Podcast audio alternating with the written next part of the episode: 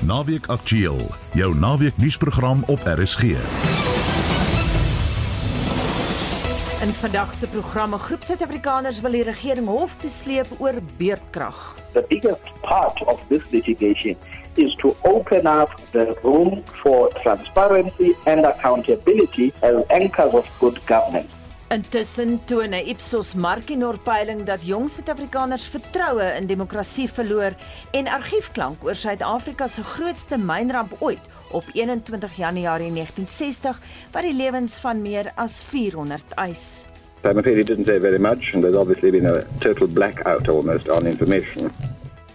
Baie welkom by Naweek Aktueel. Die span vandag, die uitvoerende regisseur Nicoline de Wee, ons redakteur Veronique van Heiningen, ons produksieregisseur JD Labuskaghni en ek is Anita Visser. Jy luister na Naweek Aktueel elke Saterdagmiddag tussen 12 en 1. Die afgelope tyd het die Citizen Koerant en die aanlyn blad Daily Maverick die woord gatvol gebruik om Suid-Afrikaners se misnoë oor beerdkrag te verwoord. Maar wat sê amptelike meningspeilings? Ipsos Markinor het in Desember meer as 3000 Suid-Afrikaners gevra wat hulle dink van die regering se bestuur van beerdkrag. Vandaar het die onderhoude weier uitgering, soos Marie Harris verduidelik. Toe het ons vir mense gevra of Eskom se beerdkrag die steun vir die ANC gaan negatief beïnvloed in 'n verkiesing.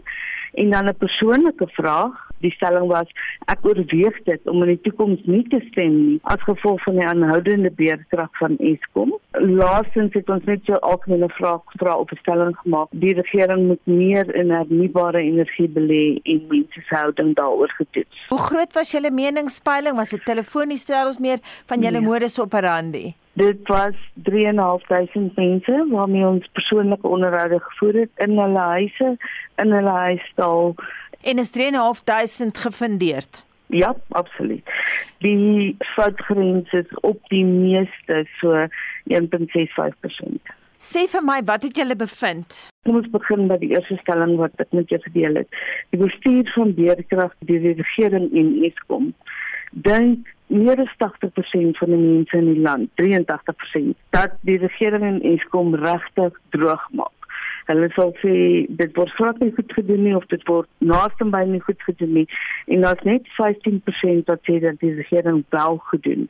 As ons kyk na werkende en werklose mense, dink hulle amper dieselfde hieroor. So daar's geen groot verskil tussen werkende en werklose mense. Ten opsigte van politieke partye is daar effens 'n verskil dat die ANC 'n bietjie of ANC ondersteuners liewer 'n bietjie meer verdraagsaam is Maar nog steeds net 22% van ANC ondersteuners sê die regering doen nie sleg nie, maar die res van hulle sê baie duidelik die regering doen glad nie goed in die bestuur van beerdkrag nie.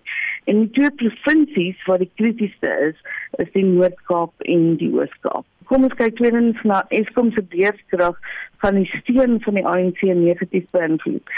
Hier is daar groot ooreenstemming tussen alle mense in die land weer eens twee derde van Suid-Afrikaners sê, 65% sê dat dit definitief die ANC se steun gaan beïnvloed volgende jaar in die algemene verkiesing. Dit is veral sterk onder 18 tot 24 jaar is. En soos jy weet, is dit die groep kiesers wat die minste geregistreer is wat makliker wegbly van 'n stembus af as enige iemand anders en wat al die politieke partye na vry. Hulle wil almal hê die jong mense moet hulle stem. En die jong mense is die meeste krities oor weerkrag. As jy mens kyk weer eens werkloos en werkend geen verskil nie bevolkingsgroepe, swart mense, wit mense, bruin mense stem almal saam. Die mense wat miskien 'n bietjie meer op die draad sit in hierdie geval is Indiër mense. Ten opsigte van politieke partye geen verskille nie. Ongeveer 2/3 en meer van hulle sê dat dit definitief die ANC se steun negatief gaan beïnvloed. Kom ons kyk na die toekoms, mense wat in die toekoms gaan stem, hoe beïnvloed uh, beerdkrag daai besluit? Dit is 'n baie persoonlike vraag want dit is ek oorweeg dit om in die toekoms nie te stem nie as gevolg van die aanhoudende beerdkrag van Eskom. So mense se gevoel is dat baie van hulle, amper die helfte van die land, 45% sê ja, waaroor moet hulle gaan stem? So dis 'n baie baie groot probleem en ek dink nie dis net 'n probleem vir die regering nie. Dis 'n probleem vir alle politieke partye in die land. Dat mense eintlik so um, ek het al hierdie woord voorheen vir jou gesê 'n onbehaaglikheid het met politisie en met politieke partye. En hulle sal vir jou sê watter alternatiewe is daar? Wie het 'n beter plan? Vir wie moet ek stem? Die helfte van mense sê hulle gaan nie. En dan 'n derde van Suid-Afrikaners sê nee hulle gaan maar gaan stem. Weer eens is dit jong mense wat die sterkste voel om nie te gaan stem nie. En weer eens is daar geen verskil tussen die grootste partye in die land nie van die ANC dwarsteer tot by die Vryheidsfront plus sê almal ons kan net sowel wegbly maar dit is veral sterk onder ondersteuners van die ANC en die EFF En dan die laaste vraag was of die regering in hernubare energie moet belê. Hier is dit nogal sterk, meer as 60% van Suid-Afrikaners sê natuurlik. Maar dan het ons natuurlik baie sprake gehad die laaste paar weke ten spyte van pogings tot hernubare energieopwekking so sonplase, windkrag kan die stelsel, die vervoer van elektrisiteit, die minimummente, die die infrastruktuur kan nie dit hanteer nie. So ons het 'n baie groot probleem. Nie net is daar 'n probleem met steenkool en die kwaliteit van die steenkool wat aan kragstasies toe gaan nie, maar ook met die kwaliteit van ons infrastruktuur. Dit kan dit nie hanteer nie. Staar verskil tussen mans en vroue in terme van ja. hoe hulle voel? geen verskil tussen mans en vrouens nie. En dit is ook nie dat jong mense so uh, daar groot verskil is tussen jong mense en en ouer mense nie. Die ding is net jong mense voel sterker negatief oor hierdie hele kwessie as wat ouer mense voel. Ouer mense is baie meer van 'n kom ons sê hulle is miskien 'n bietjie meer verdraagsaam, maar dis nie asof hulle ten gunste is van weerkrag nie. Marie, ek praat nou met jou as 'n politieke ontleder ook al is jy by Ipsos, jy doen nou die meningspeilings, maar jy is gekwalifiseerde politieke ontleder. Jy het daai agtergrond. Dink jy die ANC gaan die pyp kan rook in die volgende verkiesing? Ek dink die ANC gaan die volgende verkiesing wen maar met 'n baie kleiner meerderheid as wat hulle in vorige verkiesings gehad het. Tans meet ons die ANC hier op 40-42% van die steun.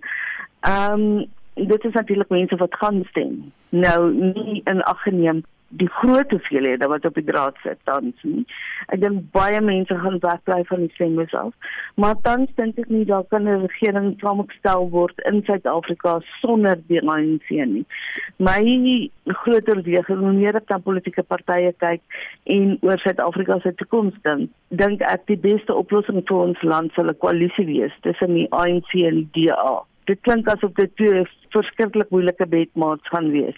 Maar dit gaan die grootste hoeveelheid van die ondersteuners of van die politieke ondersteuners in die land ten minste bymekaar bring. Die twee partye kan wigte en teenwigte te mekaar hê en dan kan dalk 'n goeie plan uitkom want tans alle politieke partye dink ek is nie besig om te presteer tans nie. En so sê direkteur by Ipsos Markinor in Johannesburg Marie Harris. 'n Groep Suid-Afrikaners wil die regering hof toesleep oor gebrekkige kragvoorsiening. 'n Johannesburgse regsfirma, Mabuza Attorneys, het die regering en Eskom tot die naweek tyd gegee om aan sekere vereistes te voldoen. Dit behels onder meer dat Nersa se 18,65% kragtarief nie geïmplementeer word nie, 'n duidelike plan vir die beëindiging van weerkrag en 'n spertyd daarvoor. Een Suid-Afrikaner wat deel van die groep is, is die politieke kommentator Lokona Mnguni wat gister sy beweegredes vir die hofsaak aan ons verduidelik het. Those who hold power to get things done especially with a public mandate must be held accountable. Dit dan Lokona Mnguni se filosofie in 'n neutedop. Oor sy irritasies met Eskom kan hy vir ure lank praat. You may just get a notice for stage 2 at 2 p.m. By 4 p.m., you are on stage 4 load shedding. But there's no thorough explanation. It's not an explanation to say unit 1 and 2 have tripped in this power station. That's not an explanation. An explanation really has to take the customers and consumers into confidence. When we are given these 10 point plans and turnaround strategies and multiple appointments, a panel of experts was appointed by the president. I'm sure it produced a report. We don't have that report. International experts were appointed by the president. And I'm sure they gave a report. We don't have that report. Boonop sit Lukona en sy landsburgers letterlik en figuurlik in die donker oor die pad vorentoe. As consumers and as citizens, we don't even know if indeed work to turn around ESCOM is happening. We don't even know if recommendations of committees, task teams are being taken seriously in the work of turning around ESCOM. So for me, the biggest part of this litigation is to open up the room for transparency and accountability as anchors of good governance. Vir Lukoda Mnguni is dit nou 'n saak wat grondwetlike aandag moet kry. You can complain only so much. And if the situation is not changing, you've got to ask within the options that you have, which one are you most interested to pursue? There might be a case to be made against ESCOM, a number of people's constitutional rights. Uh, whether you are talking to farmers who now are facing the loss of chickens, you are talking to farmers who can't irrigate, people who can't receive water because the pumps are not working well enough people who are on insulin, they need refrigerators because they are diabetic. Some people have oxygen at home. The range of rights that are affected. Maar wat gemaak as daar niks van die hofsaak kom nie? If nothing were to come out of the litigation, we hope that we may receive good relief from the court that one would highlight the urgency of dealing with load shedding, and secondly, the efforts of people in society to demonstrate against ESCOM, but also to call for gatherings to create and come up with robust solutions on how to look for alternative energy generations going forward towards 2024. It is important to remind the people of South Africa that part of the crisis we are dealing with can only be resolved if people exercise their agency at the polls, they are registered to vote, and they make their choices to try and help us get out of a status quo that is working against the country. En die man wat daar gepraat het was Lukona Nguni. Hy's deel van 'n hofsaak teen die regering oor sy onvermoë om die kragkrisis te bestuur. Advokaat Erik Mabuza het gisteraand aan Naweek Aktueel gesê dat die minister van Openbare Werke beloof het om op 3 Februarie te reageer op sy brief. Eskom het geen spertyd gegee nie. Ons praat nou eh, met Herman De Pre, eienaar van die Frangipani boerdery by Lichtenburg wat sowat 50 000 hoenders verloor het weens beerdkrag. Probleme het middel Desember begin, toe daar fout was met 'n transformator en Eskom is toe genoop om die gebied aan 'n ander lyn te koppel. En ons praat nou verder met Herman. Goeiemiddag, baie welkom by Naweek Aktueel. Goeiemôre Anita, môre luisteraars. Herman, sê vir ons wat presies het gebeur? Jy sien, dit is soos jy nou gesê het en ek dink die hele land is is um is regtig negatief daaroor. Wat gebeur het is ons het 'n transformer verloor op ons, hulle noem dit CP lyne. En ja, toe het Eskom na lank gesukkel vir ons gesê ons moet asseblief net geduldig wees. Hulle gaan ons um koppel na die MO lyn, maar kopstraal opraaplyn. So wat en ja, dit is dit is straf, maar ons wolks wat hulle noem en spannings in die lyne het toe heeltemal te laag gehardloop vir ons goed om om om reg te funksioneer. So het ons heelwat motors in ons hoenderhuise verloor, ons het heelwat dompelpompe verloor en ons het baie besproeiingstyd verloor. Ons is op 'n baie kritiese kritiese tyd om ons graan nat te maak op die oomblik. En ehm um, ons het net geen reaksie gekry van Eskom se kant af nie. Ek was genoodsaak na na ruk om om uh, vir Adrien Noordwes betrokke te kry hier in die Depinar en hy het my hy het my nogal gehelp mm -hmm. om met Eskom in verbinding te tree en hulle het gesê hulle sal ons help en soos ons vandag nou praat is ons nog steeds op 'n op 'n op 'n ander lyn gekoppel sukkel met ons volks en weer die nag het al fout gegaan met my met my een van my omgewingsbeheerde klimaatsbeheerde huise Hmm. Nou gaan julle hof toe gaan, soos ons hoor die vorige in die vorige insetsel is daar 'n hele paar Suid-Afrikaners wat nou hof toe wil gaan. Nou Anita, ek kan ek kan regtig nie die stare dra op my eie nie, hoor. Ehm um, Eskom gaan moet pas staan daarvoor dit van die 14de Desember af wat ons hulle gevra het asseblief kom help ons asseblief kom help ons dis die probleme ons het die verwysingsnommers ek dink ons 'n goeie saak ek het met regslei gepraat in die week um, ons gaan definitief die saak verder vat Kan jy vir ons verduidelik wat die skade is want jy het ook hoenders verloor. Jy het 'n gemengde boerdery, reg? Verstaan ek reg? Ek het 'n gemengde boerdery. Die om nou mm -hmm. te bepaal is ontsettend moeilik. Ons veeartse was op was ehm um, by die hokke gewees. Daar's nou al baie dood daar, hulle vrek nog steeds daagliks. Die wat oorgebly het, het ook seer gekry en versmoor. Ehm um, so ons ons sal nog steeds elke dag twee honders uit. So die skade van die die omvang van die skade sal sit eers bepaal word oor 2 weke as die honders reg is geslag. Ja, ek sal baie graag dan weer 'n verdere onderhoud met jou wou voer. Baie dankie. Dit dan Herman De Pre, eienaar van die Franjapani boerdery, dis by Lichtenburg in Noordwes.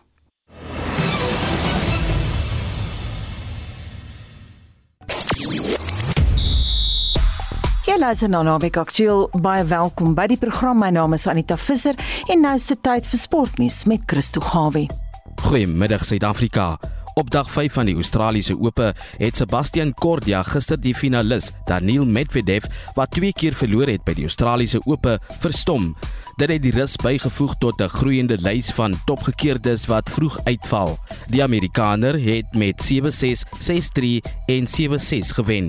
Korda kom volgende teen die 10de gekeerde Hubert Hurkacz van Pole te staan.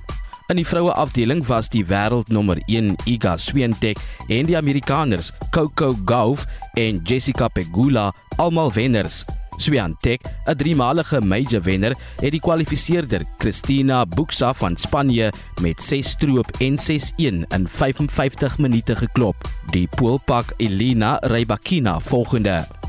Die Blitsbokke en Kanada was die eerste spanne op die veld by die FMG Stadion gisteraand by die Nieu-Seelandse sewe toernooi toe die Blitsbokke Kanada met 34-5 afgeransel het. Fiji het ook Frankryk met 26-10 getroof. Die Blitsbokke was ook vroeër vanoggend Suid-Afrikaanse tyd teen Spanje in aksie en het hulle met 19-12 oorrompel, asook Argentinië met 17-14 geklop. Die Franse span Lyon het 'n kragtige vertoning opgelewer om 'n swak boelspan gisteraand in 'n Heineken Uitdag beker kragmeting met 31-7 te klop. In die Europese Uitdag beker speel die Lions môre middag om 3 uur teen die Dragons in Newport in Wallis terwyl die Cheetahs om kwart oor 5 teen die Franse span Sexton in Pau te staan kom. In nog rugby is die 2023 Oos-Kaapse Super 14 rugby toernooi die afgelope naweek in Kebega bekend gestel. Hierdie toernooi, die grootste in die Oos-Kaap, is deur die LER van die Provinsiale Departement van Sport, Ontspanning, Kuns en Kultuur, Nonteba Kontsiwe, in vennootskap met die Oos-Kaapse Sportfederasie en twee Oos-Kaapse rugby unies bekend gestel. Vanjaar sal die Oos-Kaapse Super 14 16 spanne hê aangesien twee nuwe spanne van ander provinsies aan die toernooi gaan deelneem. Die twee spanne is East Rand United van Reigepark net buite Boksburg in Gauteng en die Crusaders van Park Dean in George. Die wenners van vanjaar se Oos-Kaapse Super 14 rugby toernooi sal met 100 000 rand wegstap terwyl die naaswenners met 60 000 rand huis toe sal gaan. Die toernooi begin vandag wanneer die Crusaders van George juis om 04:30 vanmiddag teen Kirkwood by die Bergsig Sportgronde te staan kom. In die vroue T20 reeks is Suid-Afrika se vroue vanmiddag om 3 teen die Wes-Indiese vroue in aksie. Die onder 19 SA vroue is ook slaags teen Bangladesh net voor 2 later vanmiddag. Onthou al hierdie kriketaksie kan op die SABC se sportkanaal gesien word. Van Christo Gawie na Wes op Pretoria se motorrubriek wat vandag fokus op 'n luisteraarsbrief.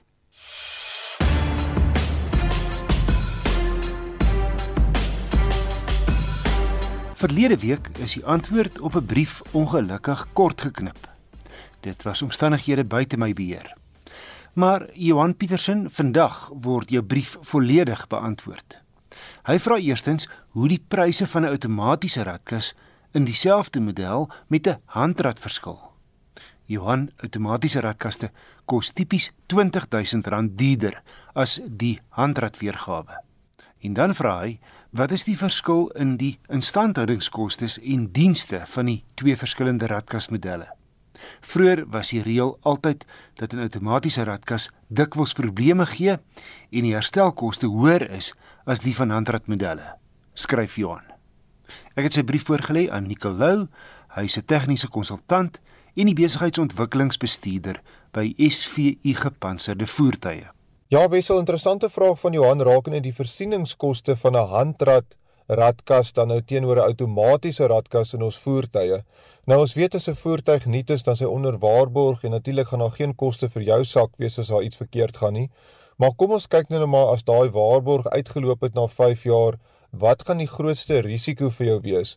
As ons kyk na die tegnologie, dan moet ek sê dat 'n handrat definitief daai radkas is meer eenvoudig, meer meganies as wat jou outomatiese radkaste vandag is. En as ons kyk na die outomatiese radkaste, is natuurlik baie kompleks met al die elektronika wat deesdae daarin is, al die kleppe wat oop en toe moet maak, die beheerstelsel. Dit hang ook natuurlik af watter outomatiese radkas of watter tipe ons van praat want daar is ten minste 4 tipes outomatiese radkaste daar buitekant wat gebruik word. Maar as mens statisties daarna kyk, is daar net meer wat verkeerd kan gaan met 'n outomatiese radkas teenoor 'n handrad.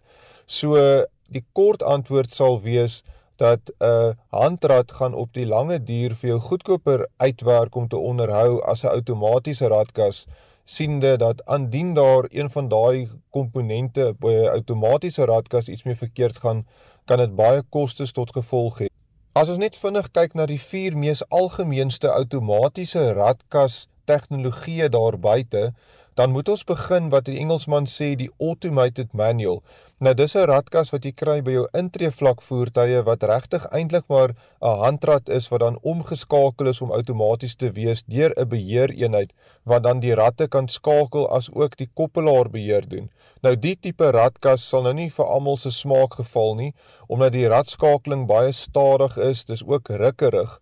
Dan wat ons baie meer algemeen begin sien op die oomblik is wat hulle noem die CVT radkas of continuously variable transmissie Dis natuurlik die radkas wat ons aan die ou tyd altyd gespot het, dis 'n poegie radkas of 'n skooter radkas waar daar 'n beld is tussen twee poelies wat dan die rad verhoudings kan wissel deur daai beld se kontakarea te wissel tussen die twee poelies.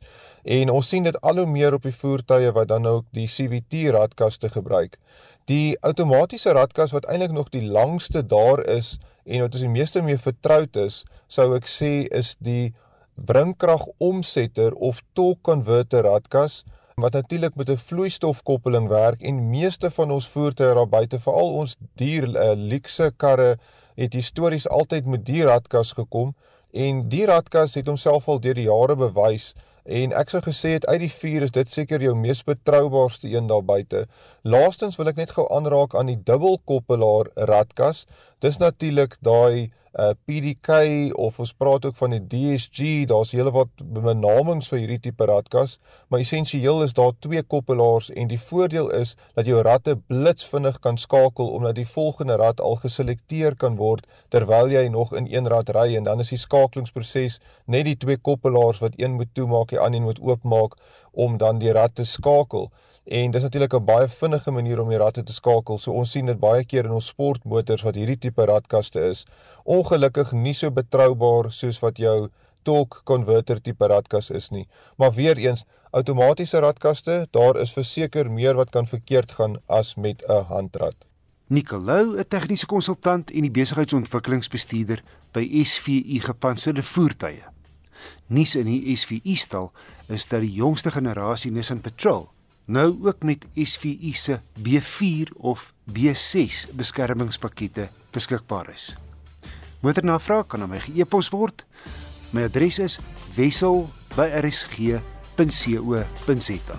In volgende week evalueer ek Isuzu se nuwe 1.9 turbo diesel dubbelkajuitpakkie. As jy laat ingeskakel het by Naweek Aktueel baie welkom. My naam is Anita Visser. Vandag 63 jaar gelede het Suid-Afrika se ergste mynramp in die Kalbroek deel van die Clydesdale steenkoolmyn 21 km suidwes van Vereniging, dis nou in die Noord-Vrystaat, plaasgevind. Naweek Aktueel het in die argief gaan rondkrap om die storie van die krisis met die klank van 1960 te vertel. 7 uur die aand van 21 Januarie 1960 het 900 steunpilare 180 meter ondergronds van die Kaalbroek myn op een slag meegegee. Ten tye van die ongeluk was 1000 myners daaraan werk. 563 werkers kon egter deur een van die skagte ontsnap. Reddingsspanne van verskeie ander myne in die gebied was vinnig op die toneel om ekstra gate vir ventilasie te boor. Mikrofone is ook afgesak in die myn om te hoor of daar tekens van lewe is. Eendag later is die media deur die president van die Kamer van Mynwese, W.J. Boefkou, toegespreek.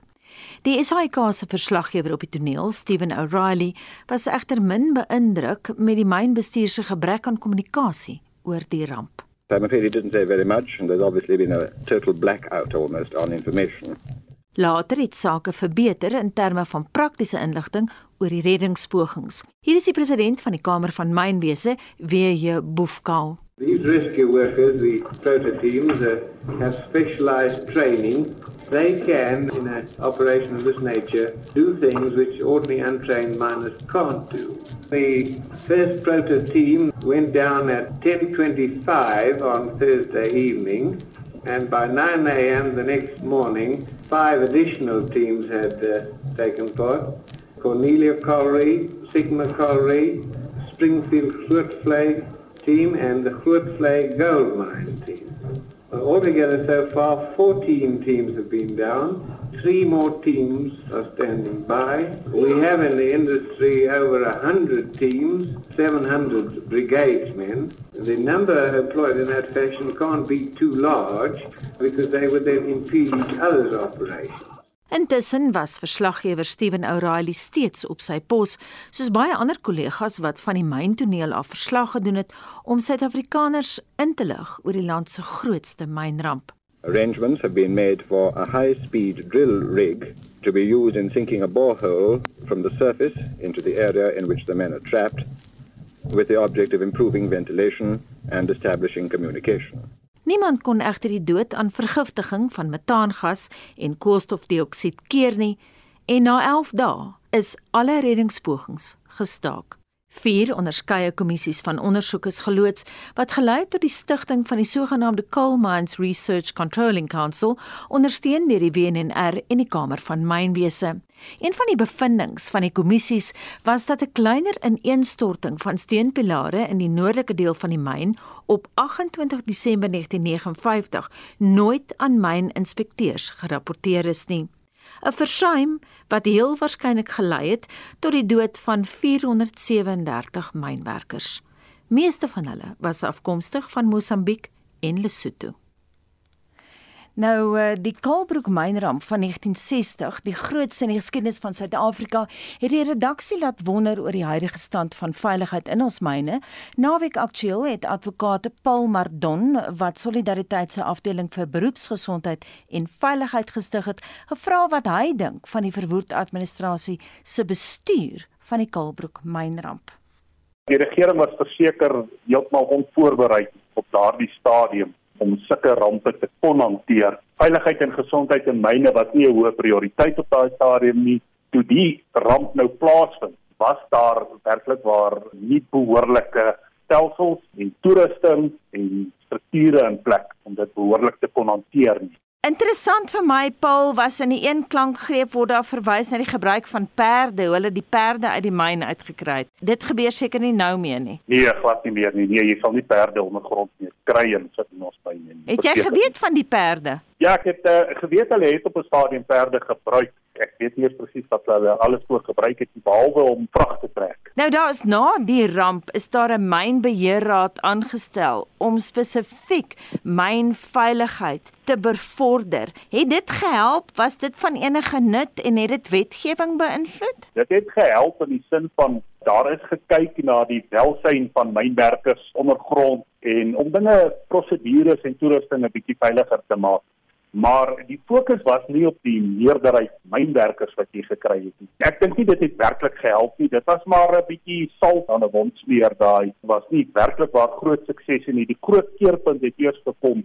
hier in die vroeë 90 jare met die Leon kommissie wat 'n behoorlike ondersoek gedoen het oor veiligheid en gesondheid in die myne en dan die wet op beroepsgesondheid en veiligheid wat in uh, 1995 in werking getree het. En wat was goed daaromtrent? Daardie wet maak voorsiening vir die verantwoordelikheid van werkgewers wat 'n baie absolute verantwoordelikheid is, die verantwoordelikheid van eienaars en dis meer van myne, maar baie belangriker nog, hy maak voorsiening vir drie ledige instellings, die mynwerkers, eh, veral via hulle vakbonde, die staat en die werkgewers en werkgewersorganisasies soos die Minerale Raad op gelyke vlak saam kan werk en mekaar kan vind om gesondheid en veiligheid in myne te bevorder. En daardie siening het nie bestaan voor die nuwe wet nie. Werkgewers het heeltemal 'n ander uitkyk gehad. Paul, kom ons wees prakties. As ek vra hoe mynveiligheid verbeter het, in hierdie geval was dit 900 steenpilare wat net ineengestort het. Nou hoe lyk die steenpilare vandag?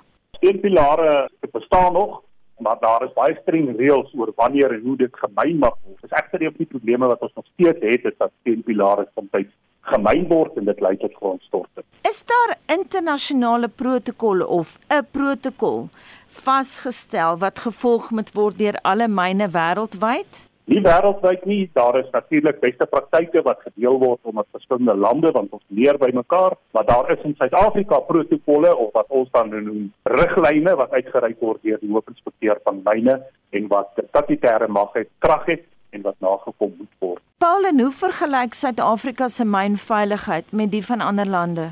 Suid-Afrika vergelyk nie baie goed nie.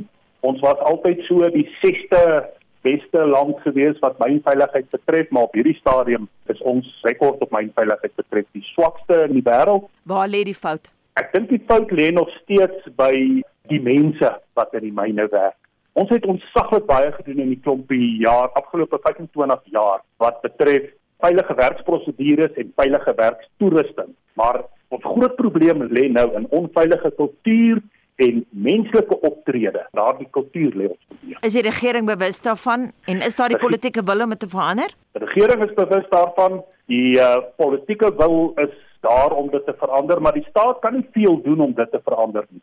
Dit moet verander by die mense, by die mynwerkers, by die werkgewers, toesighouers, mynbestuur wat produksie eise stel Daar is 'n wil by almal, maar ons kultuur in Suid-Afrika moet nog verander. En dis nie die regering se verantwoordelikheid nie. Dit is elke persoon in 'n myn se verantwoordelikheid om sy denke en sy hart te verander. Kry mynwerkers 'n sogenaamde gevaarloon? Mense sal dalk nie weet wat daai term beteken nie. Dis my vertaling van danger pay wat almal verstaan. Kry hulle so loon? Nee, hulle kry nie 'n gevaarloon nie. Mynbou is inherënt gevaarlik. Hulle kry wel ander lone soos uh, bystand oor tyd natuurlik ongelukkig wat soms 'n groot probleem is en dan produksiebonusse en dis meer kry hulle maar nou is nie 'n gevaar nie nie die inherent bly my nou gevaar Is daar 'n beperking op die lengte van 'n skof Ja daar is beperkings op die lengte van 'n skof en dit hang af baie af van die risiko's. Nou die hele wet op gesondheid en veiligheid myne is risiko gebaseer. So die werkgewer moet die risiko's gaan bepaal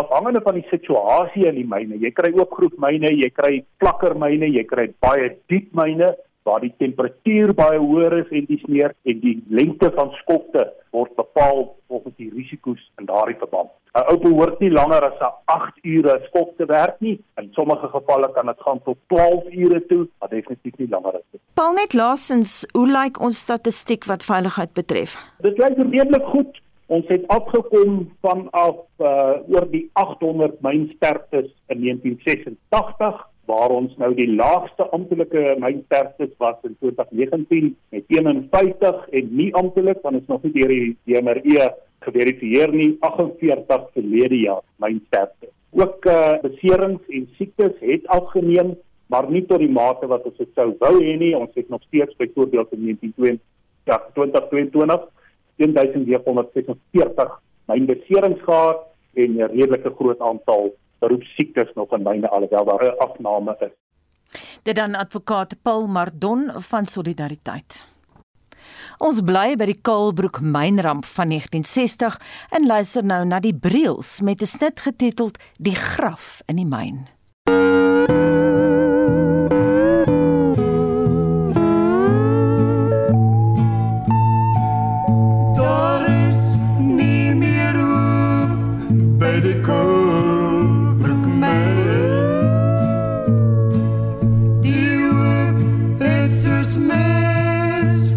son verdwyn by in die wêreld het hulp aangebied. Maar nou rus hulle in hul graf so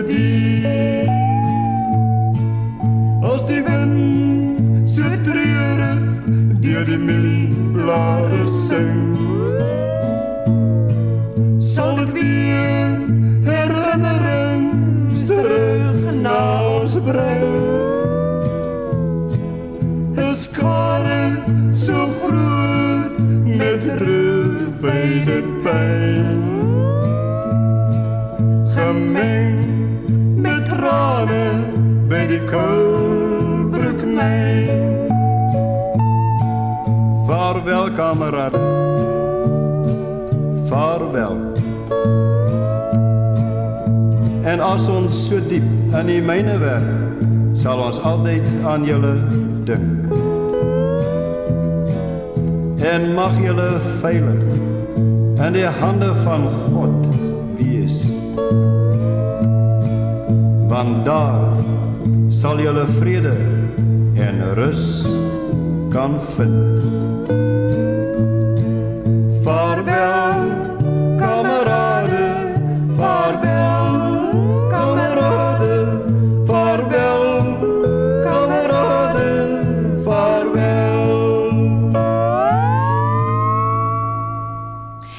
dit was die Briels met 'n snit getiteld Die graf in die myn en dit verwys natuurlik na die Kaalbroek mynramp wat vandag in 1960 plaasgevind het.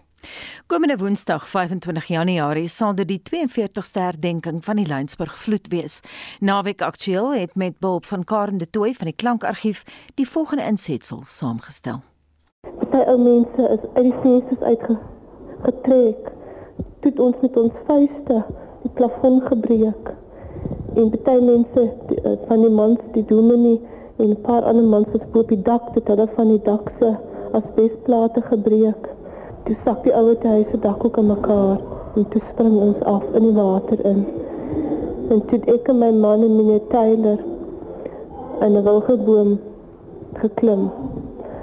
Maar ek het 'n stomp hout agter my gehad wat gedryf het te druk my in die boom vas. Was my been vasgetem en dit my borskas gedruk dat ek nie kon asemhaal nie. Toe kom die water oor my kop. Toe skop meneer Taylor my been uit. En toe trek hulle my by my klere, toe trek hulle my in die boom in. Toe sit ons vir 'n uur in die boom. En toe het die dryfhout die boom omgestoot en die dominee en twee skoolseuns was in die boom langs ons. Baie groot ou wilgebome en toe die bome gegaan en dit was die laaste keer wat ek my man en meneer Taylor en die dominee en die seuns gesien het. Aan die woord daar Brenda Ameels, destyds bekend as Brenda Pool, wat die Lynsburg Country Hotel op die dorp bedryf. Die dominee na wie sy in die insetsel verwys, is Malan Jacobs wat daardie dag verdrink het. Naweek aktueel het sy seun, Daniel Jacobs, in die Kaap opgespoor en met hom gesels.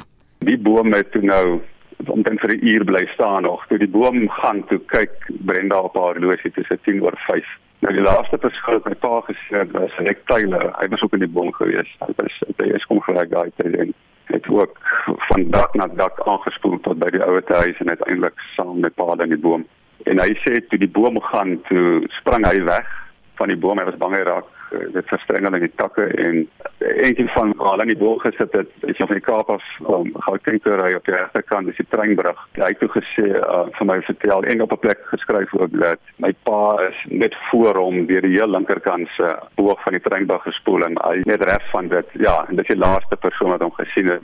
Dit was sy pa se onbaatsigtigheid wat hom genoop het om daardie geskiedkundige dag in die Karoo na die ouete huis op Lynsburg te gaan om die bejaardes daar te probeer red. Die Sondagoggend het die rivier geleidelik gestyg. Ek toe op die stadion het die water skielik binne skat 10 minute omtrent die ou 7-8 voet gestyg tot so 30 cm onder die verandas. Die water het skielik baie vinnig gestyg. Toe ons nou begin besef hierdie ding aan die kom, het uh, my pa vir my gevra maar voor ek hom kon antwoord het hy basies gesê vir my kom ons van ouer huis. In daai stadium het die water so by my ek is so ses voet lank van my knie gevat. Terwyl ons afstap in ouer huis so ses huise van die Oosraad af. Is daar uh, kinders wat probeer wegkom van die rivier af en ek het die een dogtertjie net so oor die pad gedraai. Toe ek half besef is regtig iets groot aan die kom. Nie gedink aan doodgaan of enigiets nie, maar net besef. My pa het so eendag voor my gestap en toe ek by hom kom by die ouer huis. Die besef van my ma alleen by die huis. Ons staan voor die ouer huis en ek sê vir hom, ek vra hom met ons na huis toe gaan. Sy laaste woorde aan my was: "Gaan help jy vir mamma, ek sal hier help." Volgende naweek kan jy na die opvolg van Daniel Jacobs se storie luister. Dis nou die deel wat fokus op sy pogings om sy ma tuis te gaan help. Die klank is opgespoor met behulp van Karen de Tooy van die SAIK se argief en van 'n natuurramp na die politiek. Die Credible Alternative First beweging, alom bekend as CA First, poog om die regering op alle vlakke aanspreeklik te hou vir korrupsie, magsmisbruik, bureaukratiese traagheid en die versuim om dienste te lewer. Die beweging spruit uit die SA First Forum en wil nou ook 'n politieke rol speel. Advokaat Rod Solomons gaan hom as burgemeesterskandidaat in die moederstad verkiesbaar stel en het aan Vincent Mofokeng gesê die behuisingsprobleem in Kaapstad is sy grootste prioriteit. Ons fokus is nie om alhoewel party van ons hier in die Weskaap is, maar ons fokus gaan nie net wees oor die Weskaap nie. En ons fokus gaan wees oor diegene wat arm is en in die middelklas is wat almal sukkel. En ons gaan nie noodsaaklik fokus op wat die ANC of die DA gedoen of nie gedoen het nie. Maar ons gaan liewer fokus wat ons alternatief vir Suid-Afrikaners kan aanbied. En ons wil vir Suid-Afrikaners sê jy hoef nie net tradisionele politieke partye te aanvaar nie. En wat vir ons uniek gaan maak is 'n forum van burgerlike organisasies wat ons gaan saamstel om die verkiesings te kontesteer in 2024 en elke organisasie sal hul eie identiteit behou maar hulle sal onder een vaandel aan die verkiesings deelneem. Die beweging het ook politieke swaargewigte genader. Die beweging beoog om nasionaal uit te brei. Ek het gepraat met baie mense en van die mense was Marius Fransman, dis anders ook en so aan. En die ding wat ons vir hulle gesê het is ons wil nie 'n organisasie van die wounded wees nie. Mense was nou nou uitgeskop is uit die DA of die ANC of die EFF of whatever ons wil mense wat in die politiek was hulle het hulle kan gebring hulle uitgeskuif en hulle wil weer 'n contribution maak en hulle hoef nie in die leierskap uh, posisie te wees nie. Ons het vir voorbeeld met uh, Dr. Pusak gepraat. Ons praat met verskillende organisasies op die regte tyd sal hulle name genoem word. Intussen sê Cameron Dagmore, die leier van die ANC in die Wes-Kaap, hul verwelkom nuwe partye wat deelneem aan tussenverkiesings. Enige persoon het die reg, jy weet, om 'n party te stig en te probeer om lede te werf vir daai party. Dit is deel van ons demokratiese bestel. Ons weet almal dat daar 'n verkiesing in 2024 en ons weet ook dat daar weer plaaslike regerings verkiesings gaan wees in 2026. En ons fokus as die ANC is om ons organisasie baie sterker te maak in die Weskaap. Daar is al reeds vordering gemaak in die sin dat ons het nou 267 takke en ons hoop om binnekort te gaan na ons provinsiale kongres. Ons is deel om tussenverkiesings in die tussenverkiesings deel te neem en ek dink die nuwe partye moet ook, jy weet, hulle kandidaate opsit in die tussenverkiesings en sien, jy weet, of hulle ondersteuning het of nie. Ons is nie bewus van enige ANC lid wat die nuwe party gejoin het, maar soos ek gesê het, is natuurlik hulle reg om dit te doen. Ek dink dit is net belangrik dat mense moenie valse inligting uitstuur wat sê dat hulle is nou besig om 'n klomp ANC-lede. Waar is die name? Waaroor praat hulle? Die DA se leier in die Wes-Kaap, Tersie Simmers, sê ook hulle neem kennis van advokaat Solomons se werwingpogings. As die Demokratiese Alliansie Wes-Kaap neem ons kennis van advokaat Solomons en sy party se pogings vir die werwing van onder andere lede, nie van ons eie party nie, maar ander partye ook. Dit is reg vir enige party om te kontesteer en ook om te kyk hoe hulle sal vaar met die werwing van lede maar ook die werwing van stemme. Die plaaslike regeringsverkiesing in 2021 het uitdruklik gewys wat die breëre kiesers van die stad Kaapstad van advokaat Solomons en sy party dink. Dit is wel die reg van advokaat Solomons en sy party en sy partylede om die DAB in die stad Kaapstad verantwoordbaar te hou, net soos alle kiesers en alle inwoners daar die reg het. Dit is die basiese beginsel van 'n deursigtige demokratiese geleide metroraad. Tydens die bekendstelling van die CA First Manifest het Solomons gesê die huidige DA-administrasie word gelei deur hul elitisme en klassisme en dat talle Kaapenaars gefrustreerd en sonder die dienste wat hulle verdien gelaat word. Ek is Vincent Mufokeng vir SAK nuus. Die laaste godfather van die Italiaanse maffia, Matteo Messina Denaro, is maandag in Sicilië in hegtenis geneem by 'n privaat hospitaal waar hy behandeling vir kanker ontvang het. Denaro, wat sedert 1993 'n voortvlugtige is, is berug vir sy wreedheid en is na bewering een van die laaste lede van die Cosa Nostra syndikaat. Marine Forshey gaan kers opsteek by professor Willem Els van die Enact program by die Instituut vir Sekuriteitsstudies in Pretoria.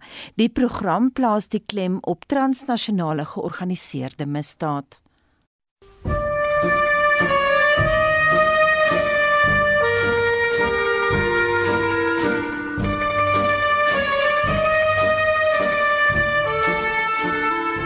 A patient like no other, escorted out of this private Palermo hospital, his cancer treatment now interrupted because the elderly man in the beanie cap had in fact been Italy's most wanted mafia boss for three decades.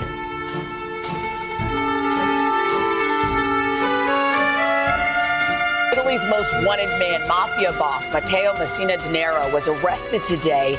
Hiding in plain sight. Notorious mafia boss Matteo Messina Denaro under arrest this morning. So is daar berig oor Denaro, op straat bekend as die sluwe strokies karakter Diabolik of die dun man se inhegtenisname.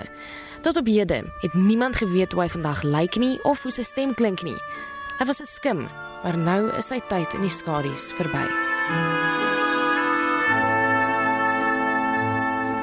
Hy was klein maar ouetjie met 'n teenwoordigheid. Hy het nie baie hard gepraat nie, hy het baie swak gepraat.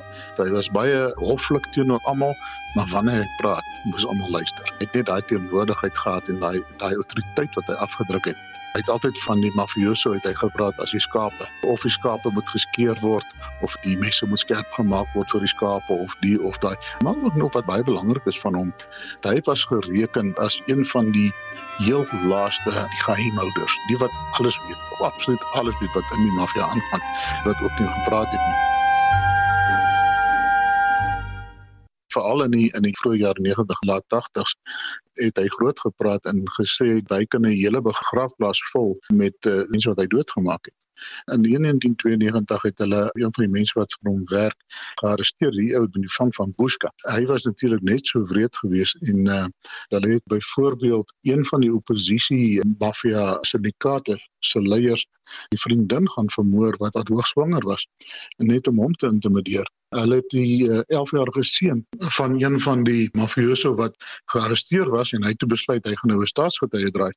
Hulle het toe sy 11-jarige seun gaan uh, ontvoer en hulle het hom vir 2 jaar lank aangehou en gemartel totdat hy uiteindelik doodgemaak is. Net om nou sout in die wonde te vee, het hulle toe gegaan en hulle het sy liggaam in 'n suurbad gaan oplos net om te verhoed dat die familie 'n liggaam het om te begrawe. En hy het al die tyd weggekruip onder die neuse van die teenmafia polisie. Dit is eintlik onrusbarend dat hy so goed kon wegkruip dat dit beteken dat daar moet vreeslike infiltrasie binne in die wet uh, gemeenskap wees. Dit is een van die dinge. Tweede plek, jy weet, die maffia Dit het ook maar soos te, ons sien met die drakkertelle 'n baie goeie werk onder die gemeenskap doen. Hoewel hulle baie kriminele dinge doen, sorg hulle ook vir die armes en hulle het baie liefdadigheid wat hulle ook doen. Wat natuurlik dan die gemeenskap dan ook aan hulle kant kry. Aan die ander kant ook daar's ongelooflike intimidasie wat plaasvind. Mense is bang as jy praat, dan uh, is dit die einde van jou en natuurlik van jou kinders en almal, jy weet. Hulle hulle is ongelooflik wreed in hoe hulle optree. Ook op sy kerfstok is die dood van twee regters wie se konvooi opgeblaas is met 'n half ton plofstof in die straat en die bomontploffings in die land se groot stede om die regering en die geregte waarsku om die maffia uit te los. In Oktober 2022 is hy tot lewenslange tronkstraf in absentia gefonnis. Waar die groot deurbraak gekom het was uh, dat hulle het agtergekom dat die familie begin op Google rondkrap na kanker en Crohn's disease en lewerkanker en nalees oor dit toe het hulle een en een begin bymekaar sit. Hy is in 1962 gebore en uh, hulle gaan kyk by al die klinieke waar daar pasiënte opgeneem is van 1962 en dit bring hulle toe daar 'n ou met die van van Bonafide. Nou dit is ook weer interessant. Een van die groot mafiosos wat natuurlik sy don was of sou hom geleer het, so van was Bonafide en hy het ook in diep ondervindings Fedes in sy woonstel gebly. Hy het toe sy naam gebruik om behandeling te kry. En dit blyk uit die rekords uit dat daar reeds twee operasies plaasgevind het vir kanker en uh, hy het toe weer 'n afspraak gemaak om bestraling te kry by die kliniek en dit is toe waar hom gaan voorlê het. Dit is nie per toeval nie, dit is nie omdat iemand gepraat het nie wat natuurlik belangrik is want in die maffia uh, jy praat nie uit nie en dis moeilik om in informante te kry daar dit is nie geluk nie, dit is harde harde werk wat neergekom het absoluut om die logika te volg en natuurlik om om goeie speurwerk te doen. Wat natuurlik uh, nie vandag altyd gebeur nie, jy weet vandag wil ons alles vinnig vinnig vinnig doen.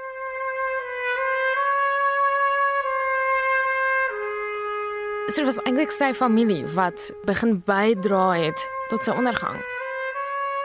Ja, ek dink ek dink hulle het die grootste rol gespeel. Jy weet, en dit is een ding van ons as mense. Jy het 'n vangnet nodig. Maak nie saak wie jy is nie, jy het 'n vangnet nodig. So enige krimineel het 'n ondersteuningsnetwerk nodig. Dis hoekom ons ook sien hy het teruggegaan. Die dorpie waar hy gebly het was ongeveer 8 km van sy geboorteplek af. So hy het teruggegaan na waar hy veilig voel, waar hy 'n vangnet het. Veral toe dit dit blyk toe hy begin siek word want ons sien dat hy die afgelope jaar, sê hulle ongeveer 'n jaar het hy daar gebly.